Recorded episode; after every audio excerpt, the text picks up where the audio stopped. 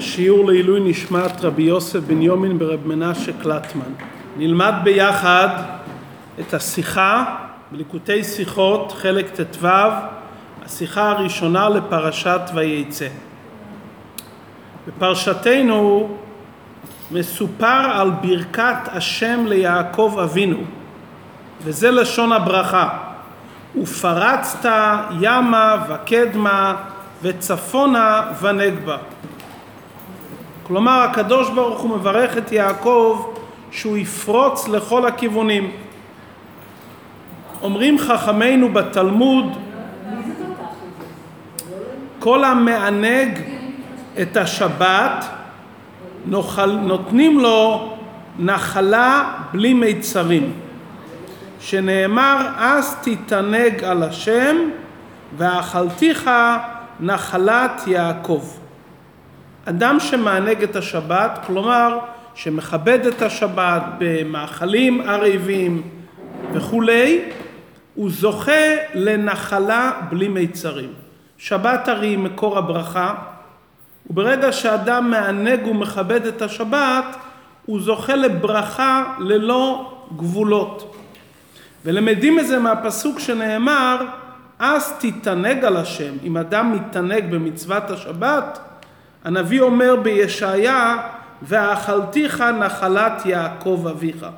יעקב אבינו זכה לברכה מיוחדת, ופרצת ימה וקדמה, וצפונה ונגבה. מה יש בשמירת שבת באופן של לענג את השבת, שזוכים לברכה כזו של פריצת ההגבלות, נחלה ללא מיצרים?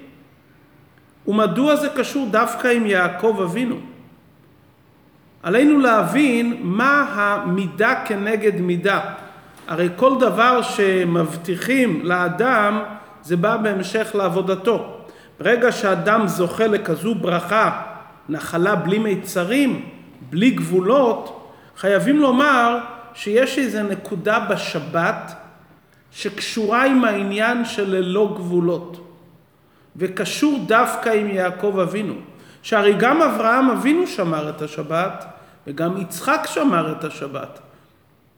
כנאמר על אברהם אבינו, עקב אשר שמע אברהם בקולי, וישמור משמרתי, מצוותיי, חוקותיי ותורותיי.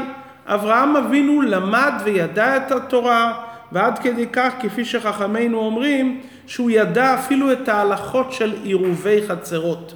עירובי חצרות זו תקנה של שלמה המלך, כדי שבשבת לא יטלטלו מחצר לחצר ועושים עירוב שמחבר בין החצרות. אברהם אבינו ידע בכוח נשמתו הגבוהה, אברהם אבינו ידע את כל התורה ושמר את כל מה שהוא למד. לפי האפשרויות שהיה אז לשמור, הוא שמר את הכל, מצוות, תורה וכולי, תורה שבכתב, תורה שבעל פה. אם כן אברהם אבינו גם שמר את השבת, ויצחק בנו גם שמר את השבת. אבל לא נאמר בפירוש במקרא התייחסות מיוחדת על שמירת שבת ביחס לאברהם או יצחק. אצל יעקב מצינו בפרשת וישלח שיעקב אבינו מגיע לעיר שכם, נאמר בפסוק ויחן את פני העיר. אומרים חכמינו, יעקב נכנס עם דמדומי חמה וקבע תחומין מבעוד יום. כלומר, הוא הרגיש שהשבת נכנסת, הוא ראה שהנה השמש שוקעת, אז בשבת הרי הדין שאסור לאדם לצאת ממקומו, כלומר, האדם צריך להיות, אם הוא גר בעיר מסוימת, הוא יכול להסתובב בעיר לכשעצמה, ואם הוא נמצא מחוץ לעיר יש לו דלת אמות, אבל שב, שבת זה לא זמן שאדם יוצא מחוץ לעיר מעבר לתחום שבת אלפיים אמה. אומרת התורה, ויחן את פני העיר, הוא קבע לעצמו תחום בערב שבת, כאן אני אשבות בשבת. זכה אברהם אבינו, זכה יעקב, סליחה, לרשת את העולם שלו במידה. אותו בירכו והיה זרעך כעפר הארץ. כלומר, יש כאן חיבור בין שמירת שבת לענג את השבת, ליעקב שאצלו מוזכר בפירוש שמירת שבת ובאיזה נקודה של שמירת שבת של קביעת תחומין שהוא קבע לעצמו מקום מיוחד היכן להיות בשבת כדי לא לצאת מאותו תחום שאדם נמצא בדרכים והוא זוכה דווקא לברכה של נחלה בלי מיצרים. מה יש בשמירת שבת בכלל? ומה יש ביעקב אבינו? ומה יש בקביעת תחומין שכל אלו מביאים אותנו לברכה מיוחדת שלא נאמרה לא באברהם אבינו ולא ביצחק אלא דווקא ביעקב שהוא זוכה לברכה של ופרצת. הרי זו ברכה מיוחדת מאוד, שאדם יזכה לדברים למעלה מההגבלה לחלוטין. כלומר, בדרך כלל ברכת השם מדודה לפי הכלי שהאדם מכין. לעתים אדם זוכה לברכה מלאה, אבל שהברכה תפרוץ ותפרוץ של ימה וקדמה וצפונה ונגבה, מה העומק של העניין? ממשיך הרבי כאן בסעיף ג' של השיחה, שהדברים יובנו על פי דברי אדמו"ר האמצעי, בנו של בעל התניא, שהוא בעל הגאולה של י' כסלו, באחד מהמאמרים הוא מבאר את ההבדל בין שבת לשאר המצוות. כל מצווה יש לה את גדר המצווה. ואינו דומה קיום המצווה איך שהמצווה מתקיימת על ידי אדם רגיל לאדם צדיק. לדוגמה, מצוות הנחת תפילין. אדם פשוט מניח את התפילין על היד כנגד הלב ועל המוח, על הראש כנגד המוח. מה המשמעות הפנימית של מצוות התפילין? לשעבד את הלב והמוח לבורא העולם. כלומר, כשאדם מניח תפילין, הוא עושה מעשה שהוא קושר את עצמו, את ליבו ומוחו לאדון הכל. זה העומק הפנימי של הכוונה במצוות תפילין. בשעה שאדם מניח תפילין הוא מכוון את הכוונות שצריכים לכוון, זכר ליציאת מצרים וכולי. בוודאי שאינו דומה איש צדיק שליבו ומוחו זכים והוא לומד וחושב ומתבונן על המשמעות של התפילין, שהוא מניח את התפילין, יש לו כוונות שונות בשעבוד המוח והלב.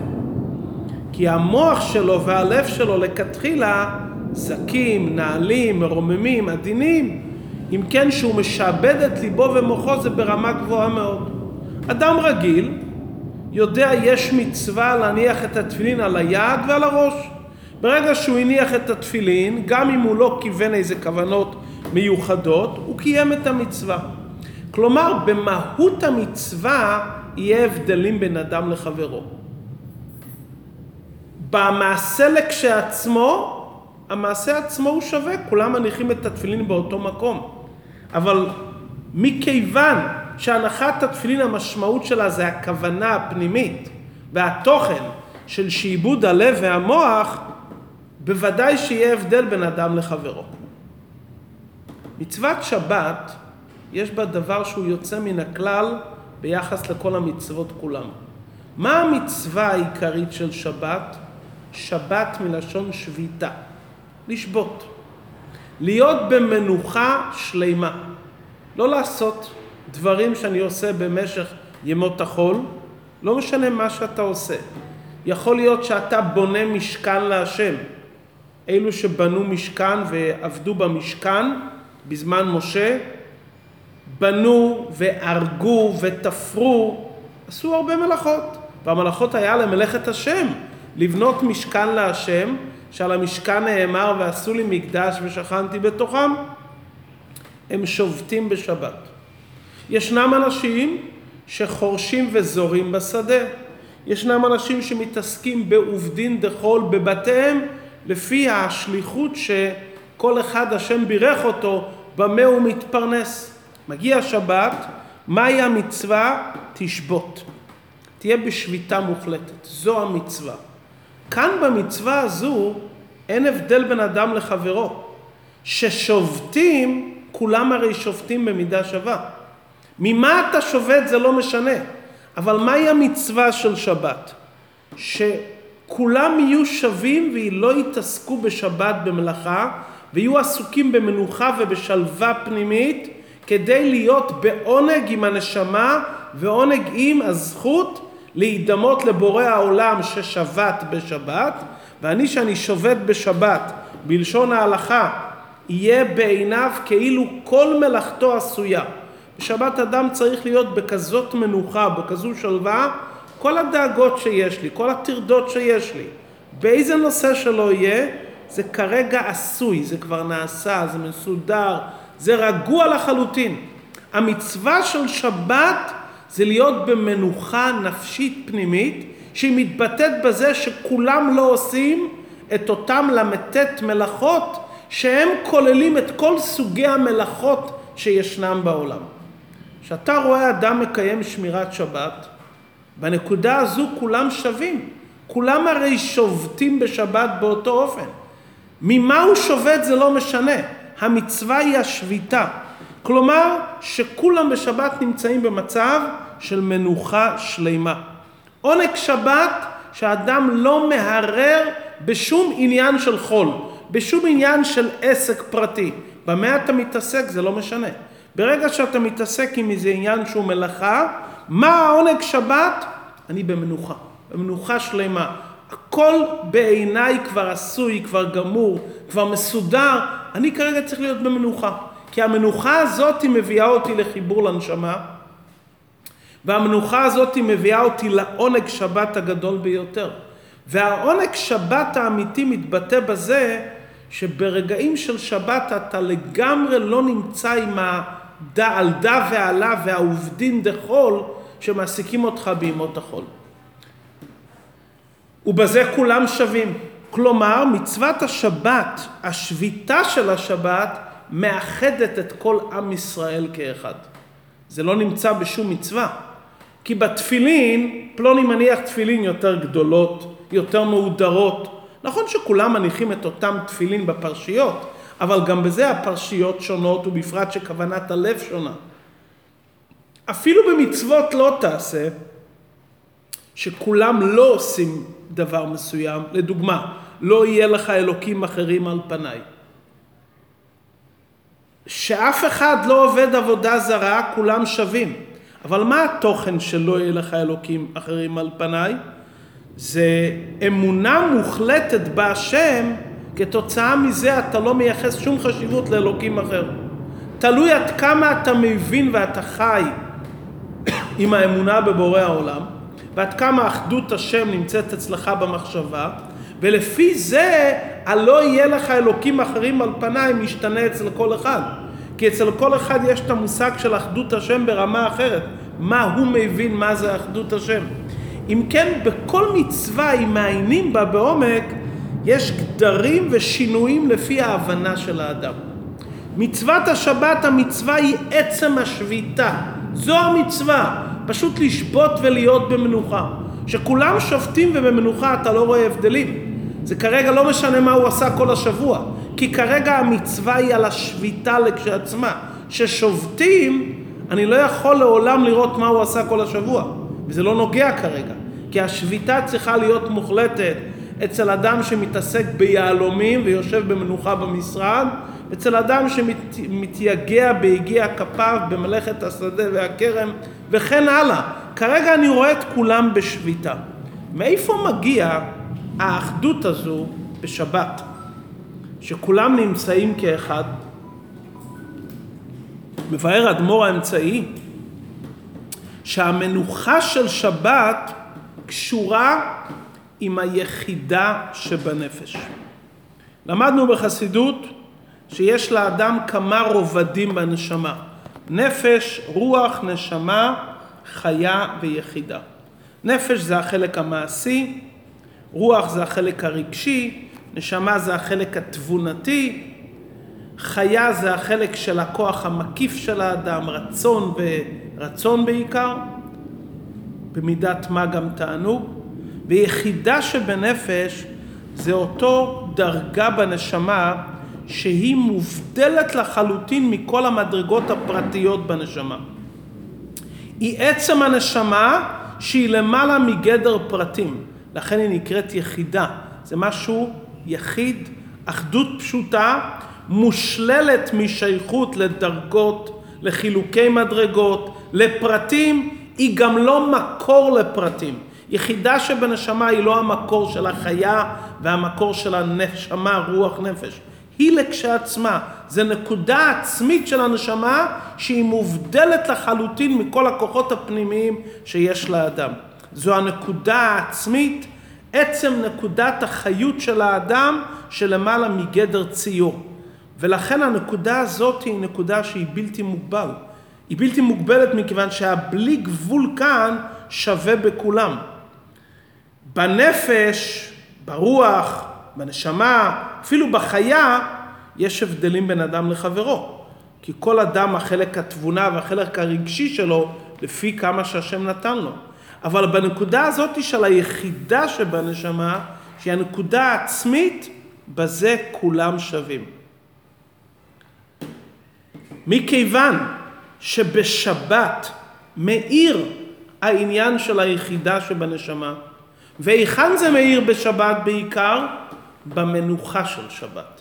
כפי שאנחנו אומרים בתפילת שבת, במנחה, שכידוע זמן המנחה של שבת לאחר חצות היום זה הזמן הכי קדוש של השבת, מאחר חצות היום ועד צאת הכוכבים, שנקרא ראווה דרעבין, הרצון לכל הרצונות, מה אנחנו אומרים בתפילת מנחה? כי מאיתך עם מנוחתם ועל מנוחתם יקדושו את שמך. אנחנו נמצאים ביום שעניינו מנוחה, ואיזה מנוחה? מאיתך היא מנוחת, המנוחה שלך. כמו שאתה הסמל של המנוחה והשלווה, ויש לנו גם ממך יחידה שבנשמה, ששם אין הבדלים, שם אין עליות וירידות, שם אין מצבים שונים ומצבי רוח שונים, שם יש נקודה עצמית ממהותו ועצמותו של הקדוש ברוך הוא. עצם הנשמה בעצמותה. כשאדם מגיע לאיזה מנוחה פנימית, לא מנוחה מעמל. יש מנוחה מעמל, עדיין הוא כמה עבדתי וכמה אני נח. יש רגעים של שביתה מוחלטת. לכן זה יותר קשור עם שבת אחר הצהריים.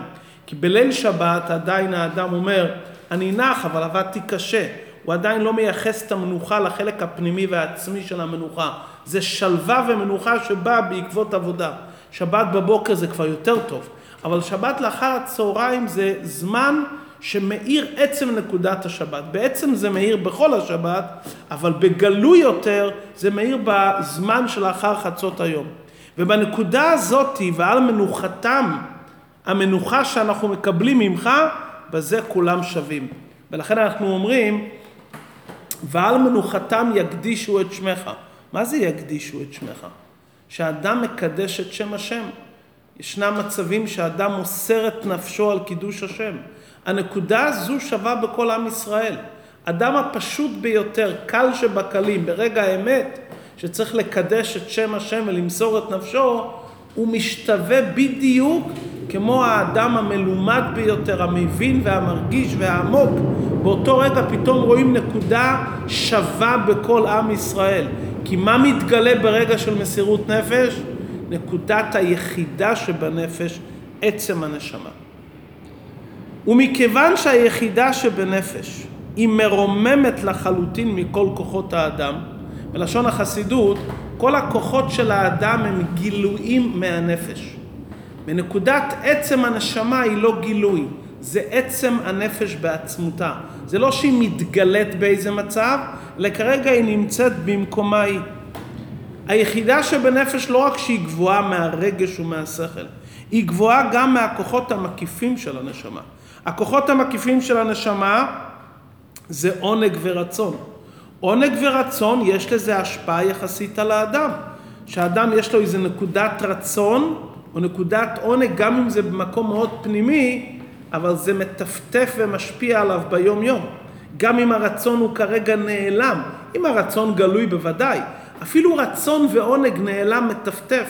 בלשון חכמינו אף על גב דהינו לא חזו מזליו חזו.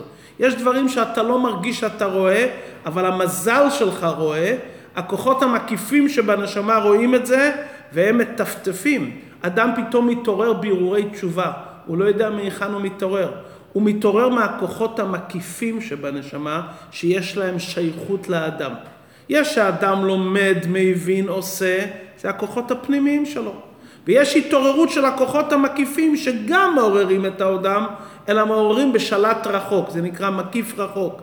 לא כוח פנימי קרוב, אלא כוח מקיף קרוב או מקיף רחוק.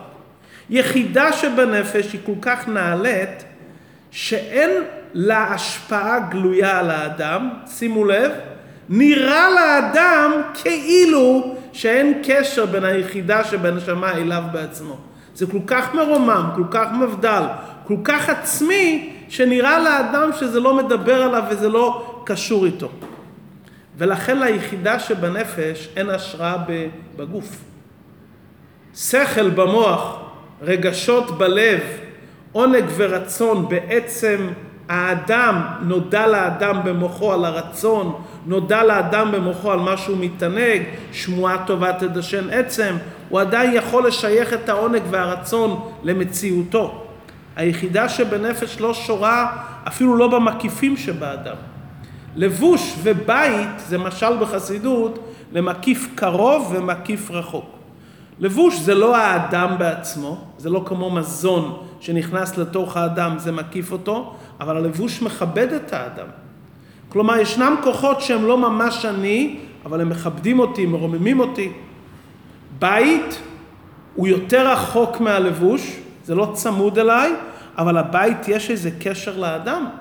אתה לפי הבית רואה את האדם והבית גם משייך את האדם למצבים מסוימים. למרות שהבית זה לא מזון שנכנס לתוך האדם וגם זה לא לבוש שנמצא על האדם צמוד, אבל המקיף של הבית נותן לאדם השראה ורוגע ואפשר להכיר את האדם גם לפי ביתו. אבל היחידה שבנפש היא כל כך עצמית וכל כך מובדלת מהכוחות הרגילים שאנחנו רגילים לראות או להכיר, שהיא מובדלת מהאדם. איפה היא נמצאת כן? באיזה מקום היא נמצאת היחידה? מבואר בחסידות. דבר נפלא, שהיחידה שבנפש, עצם הנשמה, נמצאת בדלת אמות מסביב לאדם. כלומר, לא בביתו, לא, ב, לא בחלק המודע שלו, אלא בדלת אמות שרחוקים בתכלית מהאדם, שמה היחידה שבנפש מתגלית. כלומר, לכאורה מקום כזה גבוה היה צריך להיות יותר מחובר ללב, לרגש, לא.